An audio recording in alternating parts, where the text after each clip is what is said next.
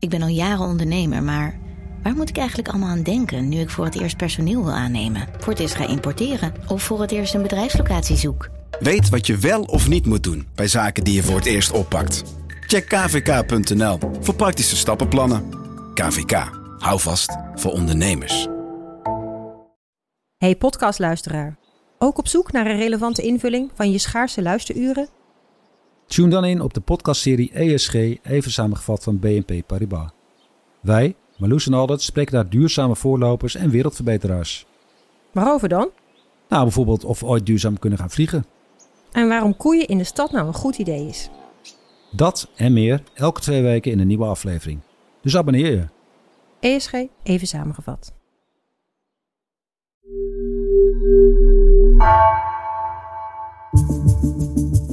Vanaf de redactie van NRC het verhaal van vandaag. Mijn naam is Geertje Tunter.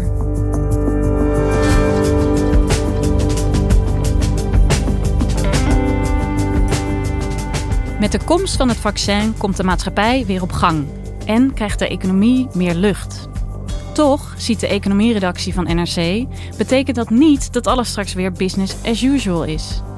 De coronapandemie heeft de economie blijvend ontwricht. Maar volgens sommigen biedt deze crisis juist kansen om grote problemen anders aan te pakken. Is dat zo? Komt die Great Reset van de economie er echt?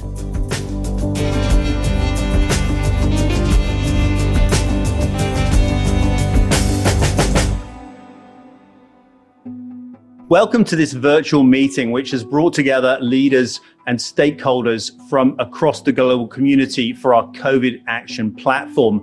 To get us underway, let's hear from the forum's executive chairman and founder, Professor Klaus Schwab. Thank you, Adrian. Klaus Schwab is een Duitse professor economie, bedrijfskunde. Uh, die begin jaren 70 toppers van het Europese bedrijfsleven bij elkaar haalde in uh, het uh, Zwitserse skidorp Davos. Om over de wereldproblematiek te praten. Toen was het nog een klein clubje en dat werd later een enorme conferentie waar regeringsleiders naartoe kwamen. De top van multinationals, mensen uit de wetenschap. Daan van Lent is chef van de economieredactie. En elk jaar eind januari haalt hij daar al die mensen bij elkaar in Davos.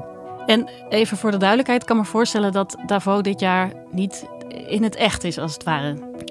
Nee, want al die mensen op een kluitje in Davos is natuurlijk een uh, superspread event. Wat ze nu gaan doen is dat ze de Davos Dialogues gaan organiseren. Uh, gewoon digitaal, virtueel eind januari. En in mei willen ze wel bij elkaar komen, maar dan niet in Davos, maar in Singapore. Waar gaan ze het over hebben dit jaar? Ze gaan het er hebben over The Great Reset. En wat is dat? It is obvious that we are in the midst of the most severe crisis the world has experienced since World War II. Het is het idee dat we in een crisis zitten die alles heeft stilgelegd, waardoor we diep zijn na gaan denken en dat de problemen die we daarvoor eigenlijk al zagen nu misschien veel beter kunnen aanpakken. The COVID-19 crisis has shown us that our old systems are not fit anymore for the 21st century. En welke problemen moet je dan aan denken? De klimaatcrisis, de grote sociale ongelijkheid waar we nu al een aantal jaren over praten, de politieke polarisatie die uh, samenlevingen enorm verdeelt. Now is the historical moment, the time, not only to fight the real virus, but to shape the system. En hij uh, smeet een verbond met uh, Prins Charles, ook wel bekend. We have a golden opportunity to seize something good from this crisis. En zij uh, lanceerde dit idee van de Great Reset samen met veel mensen uit bedrijfsleven, uit wetenschap, een grote website, een podcast, nou ja, van alles. In short, we need a great reset. En als economieredactie zien we natuurlijk die enorme ontwrichting van de economie. De grote ontwrichting hebben we die genoemd. Alles is anders.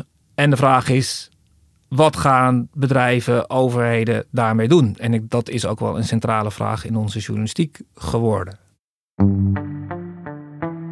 En kan je vertellen op welke manier biedt deze coronacrisis dan kansen tot zo'n great reset? Nou ja, er speelden natuurlijk al een aantal fundamentele discussies.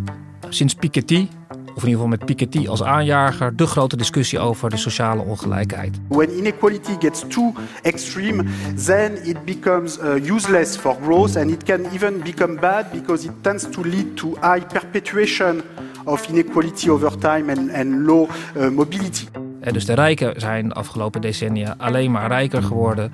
Maar de inkomens van mensen in de lagere inkomensklassen zijn helemaal niet meegegroeid met, het, met de toegenomen welvaart die we hadden. Dat werd een politieke discussie van belang in de afgelopen jaren. L'accord de Paris pour le climat est accepté. Historisch, een doorbraak. Zo noemt bijna iedereen het klimaatakkoord dat gisteren in Parijs werd gesloten. Het leven zal er flink anders gaan uitzien, zeggen wetenschappers. Want de dagen van de fossiele brandstoffen zijn nu echt geteld.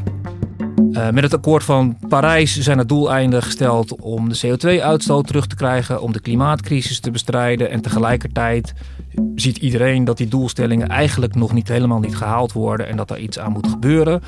Uh, dat bedrijven, overheden daar een verantwoordelijkheid in moeten nemen. Die vraag komt ook nadrukkelijker op tafel. En de politieke polarisatie is natuurlijk iets waar er ook grote zorgen over zijn. Ook in het bedrijfsleven bijvoorbeeld, omdat een instabiel klimaat is nooit gunstig voor bedrijven en voor markten. Uh, dus daar zaten al allerlei zorgen in de samenleving voordat deze crisis überhaupt losbarstte. Ja, en wat heeft corona daar dan mee te maken? Want wat jij zegt, van dit, dit bestond eigenlijk allemaal al. Uh, ja, maar plotseling kwam alles stil te liggen. Toen die economie stil kwam te liggen in uh, maart, april, toen zag je dat de olieprijs enorm begon te dalen. Je hebt eigenlijk twee olieprijzen. Eén daarvan is de Amerikaanse olieprijs, die werd negatief. Ik was thuis aan het koken, ik kreeg een alert dat die onder nul ging. Dus je kreeg, als je een vat olie kocht, kreeg je geld toe. Ja, dat Absurd. is uniek, neem ik aan. Dat is uniek. En wat zie je dan? Die oliemaatschappijen gaan enorm afboeken op hun reserves. Gaan nadenken van welke olie willen we eigenlijk nog wel winnen. Dus die oliemaatschappijen die begonnen ook hele andere geluiden te verspreiden. Uh, met name BP, dat, uh, dat ging zeggen van ja, weet je, wij gaan ons harder inzetten voor de klimaatdoelstellingen. We veranderen dat en meer investeren in alternatieve energiebronnen. En die omschakeling sneller maken. Maakte niet uit in welke sector je zat. De industrie was bang dat er geen spullen meer uit China zouden komen toen corona daar nog volop woedde. Of uit Noord-Italië, wat een belangrijke toeleverancier is voor industrie. En ging zich afvragen, werkt dit globaliseringsmodel wat wij hebben, dat je producten en onderdelen overal vandaan haalt, werkt dat nog? En kunnen wij nog wel doordraaien? De reisindustrie is natuurlijk een heel makkelijk voorbeeld. Alles lag stil. Geen vliegtuig kon meer vliegen vanaf april. Winkels gingen dicht. Restaurants gingen dicht. Alles ging dicht. En dan ga je afvragen, van ja, maar als ik weer open ga, hoe ga ik dan verder? En ook wij als burger of als consument denken natuurlijk na over klimaatcrisis, over sociale ongelijkheid en misschien ook wel over de grote politieke verschillen. En over, ja, hoe leef ik eigenlijk en wil ik dat ook zo? En past dat wel bij de dingen die ik om me heen zie. En de vraag is wat er zich daarvan voortzet. Maar de voorspellingen zijn toch een aantal dingen wel. We zullen meer gaan thuiswerken, waardoor we minder gaan forensen. Waardoor we minder of de auto of de trein pakken. Waardoor we minder brandstoffen gebruiken, dus minder olie. Hoe gaan we op vakantie na deze uh, crisis? Gaan we weer volop op vakantie zoals we dat deden? Pakken we het vliegtuig? Nemen we al die goedkope vluchten? Uh, dat is één. En ten tweede, wat gaat bijvoorbeeld de zakenreiziger doen? Die zakenreiziger die is nu gewend aan uh, vergaderen met of collega's aan de andere kant van de wereld of klanten aan de andere kant van de wereld via het beeldscherm. Die gaat waarschijnlijk niet meer de hele wereld rondreizen zoals die deed. Dan neemt het aantal zakelijke vluchten enorm af, of zakelijke passagiers. Die zakelijke passagiers vlogen business class. Dat leverde veel geld op voor de luchtvaartmaatschappijen. En met dat geld konden ze zorgen dat de stoelen voor ons als toeristen die goedkoop wilden vliegen, voor een veel lagere prijs gingen en ook veel lager dan de kostprijs gingen. Als die zakenreiziger niet meer vliegt, wordt het voor die gewone toerist veel duurder om te vliegen, is de voorspelling. Dat heeft gevolgen voor de luchtvaartmaatschappijen. Die kunnen ook zeggen van ja, misschien moeten wij gewoon wel onze vloot verkleinen. Dat doen ze natuurlijk nu, want al die vliegtuigen staan stil. Misschien moeten ze ook wel niet meer allemaal gaan vliegen. Nou ja, als luchtvaartmaatschappijen hun vloot verkleinen, heb je minder uitstoot van CO2 door de vliegtuigen. Zo simpel is het. He, zoals je dan schetst, heeft die pandemie verschillende uitwerkingen eigenlijk. De economie wordt ontwricht, maar we worden dus ook met onze neus op de feiten gedrukt. Dat sommige dingen gewoon eigenlijk niet kloppen op dit moment. En er zijn dus kansen om het allemaal anders te gaan doen. Maar wat ik me dan afvraag, hoe benut je die kansen en hoe zorg je dat die Great Reset er misschien komt? Nou ja, eigenlijk door opnieuw te gaan opbouwen. Dus misschien is het wel een soort van puinhoop nu, waar we eigenlijk ook niet precies weten hoe die eruit ziet. En je beslist samen van hoe gaan we dat aanpakken? Hoe gaan we dat anders opzetten? En moet het, moet het nieuwe huis er wel precies zo uitzien als het oude huis dat door de schok voor een groot deel in puin is komen te liggen? Er waren al best veel bedrijven die voor deze crisis bezig waren met hun purpose. We zijn er niet alleen om winst te maken, we hebben ook een andere bestaansgrond. En we hebben ook andere belangen om rekening mee te houden. Die van onze werknemer, die van onze klant, die van het milieu. De bedrijven die dat nog niet hebben laten zien, die kunnen dat nu ook werkelijk laten zien dat ze dat serieus menen. Doen ze dat zomaar, weet je, ze zullen steuntjes in de rug nodig hebben. Van wie? Van hun klanten, eh, want die moeten daarin meegaan. Je kan zeggen, ik wil minder verpakkingen, maar als de klant verpakking wil, dan maak je die verpakkingen toch, omdat hij zich dan beter voelt. Om maar een klein voorbeeld te noemen. Overheden kunnen dat heel erg sterk stimuleren. Overheden eisen natuurlijk nadrukkelijk hun rol in uh, de economie uh, meer op. Dat was al een beetje zichtbaar voor de crisis. Dat is alleen maar versterkt. En dat is ook logisch. En zonder de overheden, dus zonder de steun van de overheden, was de economie nu al lang ingestort en waren er echt uh, duizenden en wereldwijd miljoenen bedrijven failliet gegaan. Dus voor het overeind houden mag je natuurlijk wel wat verlangen wat in het belang van de samenleving is. Dus die kan uh, door voorwaarden te stellen, door voordelen te geven, kan ze bepaalde richtingen enorm versterken. En hoe zie je dat op dit moment? Je ziet dat uh, in Duitsland en, en ook in Frankrijk bijvoorbeeld bij de elektrische auto's. Met steun van de overheden die de verkoop van die auto's sterk bevorderd hebben. In Nederland veel minder dan in andere landen, maar in Duitsland bijvoorbeeld heel sterk. En dan zie je de registraties van de, van de verkoop van elektrische modellen echt enorm uh, omhoog schieten. Ik denk dat we daar mogelijk wel een paar jaar in gewonnen hebben ten opzichte van, uh, van voor deze, deze crisis. Je ziet het ook aan bijvoorbeeld de steun aan luchtvaartmaatschappijen, waar in sommige landen ook duurzaamheidsdoeleinden zijn opgelegd aan de luchtvaartmaatschappijen. Hey, en Daan, dat idee dat zich nu een beetje aan mij opdringt, is dat motto Never waste a good crisis. Hè? Een beetje een cliché. Maar wat ik me ook wel afvraag, en het klinkt misschien een beetje cynisch, maar is het ook niet wensdenken dat we met z'n allen zo mooi uit deze pandemie komen, dat we er iets moois aan overhouden? Dat risico is heel groot. En dat heb je bij andere crisis ook gezien. Ja. Neem bijvoorbeeld de laatste grote crisis, die van 2008, de grote financiële crisis. Toen we ook allemaal in paniek waren omdat ons financiële stelsel uh, instortte. Uh, maar tegelijkertijd Obama als president van Amerika werd, werd gekozen. Ook toen was het uit deze crisis moeten we op een andere manier komen. En onder leiding van Obama zou de wereld het anders inrichten. In the 21st century, we know that the future of our economy and national security is inextricably linked with one challenge: energy. Om maar een term te gebruiken, de Green Deal is niet van nu. De Green Deal is door Obama ook al opgezet en het zou allemaal beter worden in Amerika en er zou geïnvesteerd worden in alternatieve energiebronnen. Maar de vorige Green Deal is maar mondjesmaat tot stand gekomen en bijvoorbeeld het gebruik van schalieolie of de ontwikkeling van schalieolie in Amerika is alleen maar toegenomen onder Obama en dat is een vrij dure vorm van oliewinning, ook een vrij vervuilende vorm van oliewinning. Uh, dus eigenlijk helemaal geen goede kant. Overigens heeft in die tijd ook een Amerikaanse econoom een boek geschreven onder de titel The Great Reset. Oh, die term bestond uh, dus die term al. die bestond ook al, die is eigenlijk ook weer gejat. Dus dat nodigt uit tot de nodige sceptisch. Aan de andere kant, de economie is nog nooit zo stilgelegd zoals nu. En dat schept waarschijnlijk toch meer kansen, een fundamentele onzekerheid. En de crisis heeft ook toegeslagen in bijna elke sector van de economie. En dat is ook anders dan in uh, andere crises. Je ziet maar één uh, sector eigenlijk profiteren, dat is de technologie sector. Maar technologie is tegelijkertijd een aanjager van veel veranderingen. Hè, dus kan daar ook een versterkende werking in hebben. Juist om die andere oplossingen te bewerkstelligen. En denk je dat alle bedrijven eigenlijk warm lopen voor dit idee? Nee, daar zit natuurlijk het grote gevaar. De bedrijven die niet meedoen. Want je kijkt natuurlijk ook naar wat je concurrent doet. Dus je kan zelf zeggen van nou, ik wil hierin voorop lopen. Ik wil hier risico innemen. Misschien neem ik wel genoegen met een lagere winst als dat nodig is. Maar als je concurrent dat niet doet, dan word je ook weer aan je jas getrokken. Je hebt ook Ryanair met hun uh, topman Michael O'Leary die gewoon zegt... ja, wij gaan zo snel mogelijk vliegen. Wij bieden goedkope vluchten aan.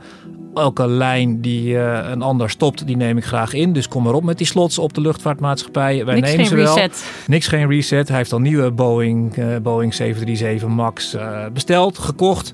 Het tegen een afbraakprijs. Want ja, dat vliegtuig dat moet ook weer aan de man gebracht worden na alle ongelukken die daarmee geweest zijn. En hij gaat er vol voor. En dan kan je als KLM of Air France of uh, British Airways zeggen: ja, uh, nee, maar wij zijn braaf en wij zijn netjes. Maar ja, als je zo'n partij dan enorm ziet groeien, dan uh, zeg je aandeelhouders natuurlijk ook van waar ben je mee bezig. En al die maatschappijen hebben natuurlijk nog een schulden terug te betalen. Die zijn aangegaan door die steunmaatregelen. Dus ze moeten dat geld wel verdienen. Dus ze zijn wel met botsende krachten worden ze zo geconfronteerd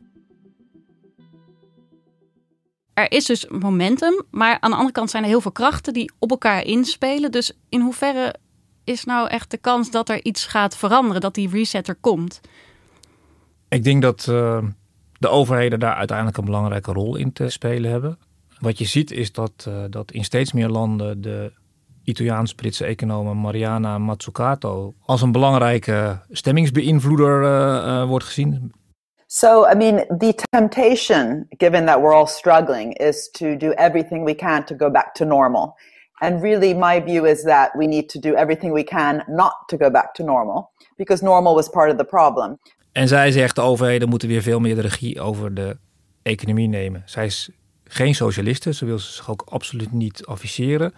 Maar wel de overheid die een soort van marktmeester is en ook wel voorwaarden aan, aan een markt kan stellen, dus aan bedrijven en veel meer richting uh, kan geven waar de samenleving uh, naartoe moet. Waar bedrijven dan een rol in kunnen spelen. En dat is natuurlijk een heel ander geluid na de afgelopen 30 jaar van aandeelhouderskapitalisme, waarin zoveel mogelijk marktwerking uh, eigenlijk werd bepleit en ook door overheden werd ingesteld.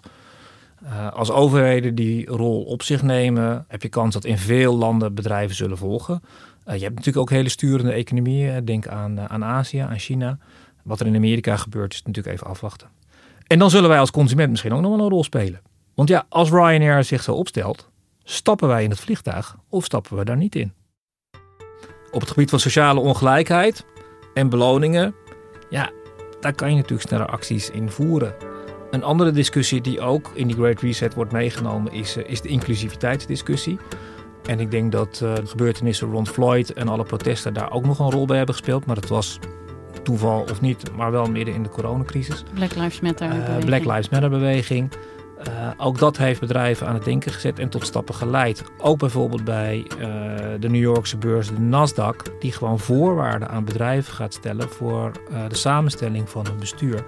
Waar niet alleen de genderverdeling veel gelijker moet zijn, maar waar ook aan de afkomst van mensen, dat daar meer op afgemeten wordt. En daar in Amerika speelt natuurlijk met name of uh, de Afro-Amerikaanse, de Aziatische en Latijns-Amerikaanse gemeenschappen daarin opgenomen zijn.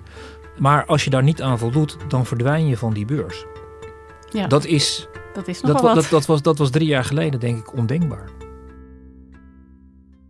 En Daan, wat ik me eigenlijk nog afvroeg, door de voorstanders, dus de Prince Charleses van deze wereld, wordt uh, die Great Reset uh, ja, voorgeschoten als iets heel moois, iets waar we naar moeten streven, een grote kans. Maar ziet iedereen dat eigenlijk zo? Nee, natuurlijk niet. Want er zijn heel veel mensen die groot wantrouwen hebben ten opzichte van uh, overheden. En dat zal zeker niet weg zijn. Dus die zien die rol al, uh, al niet. Er zijn mensen die absoluut niet meegaan in de klimaatverandering en daar uh, heel veel sceptisch over hebben. Die zullen ook geen voorstander van zijn. En er zijn ook complotdenkers. En dat gaat zeker over de Great Reset en over Klaus Schwab en over Prins Charles. In november, december bloeide dat enorm op. Waarbij eh, Klaus Schwab, die een zwaar Duits accent heeft, een beetje als, eh, als eh, de schurk Blofeld in de James Bond films, natuurlijk heel makkelijk als een schurk werd neergezet. Prins Charles is aan alle kanten verdacht. En het is een complot van het groot kapitaal die daarmee de wereld totaal wil overheersen en zijn doelstellingen wil, wil opdringen. En daar moet je groot wantrouwen tegen hebben.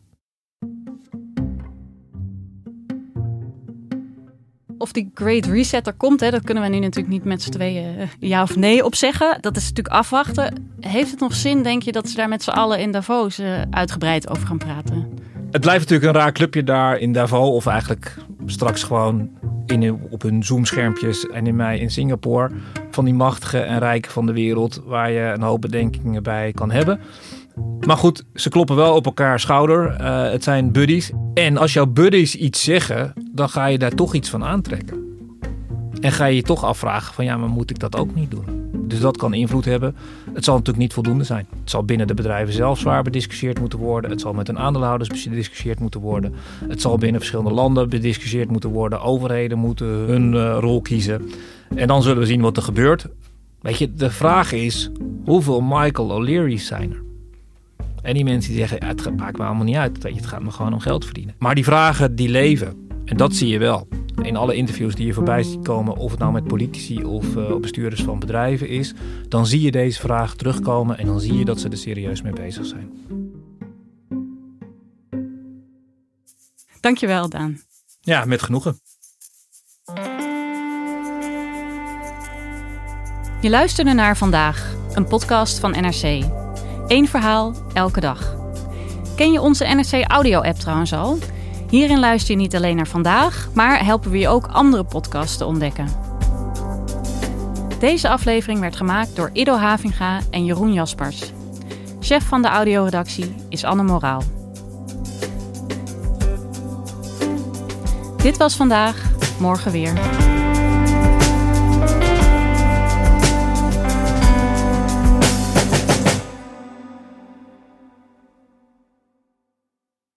Technologie lijkt tegenwoordig het antwoord op iedere uitdaging. Bij PwC zien we dit anders. Als we de potentie van technologie willen benutten, kunnen we niet zonder een menselijk perspectief. Human-led, tech-powered noemen we dat. Ga naar pwc.nl.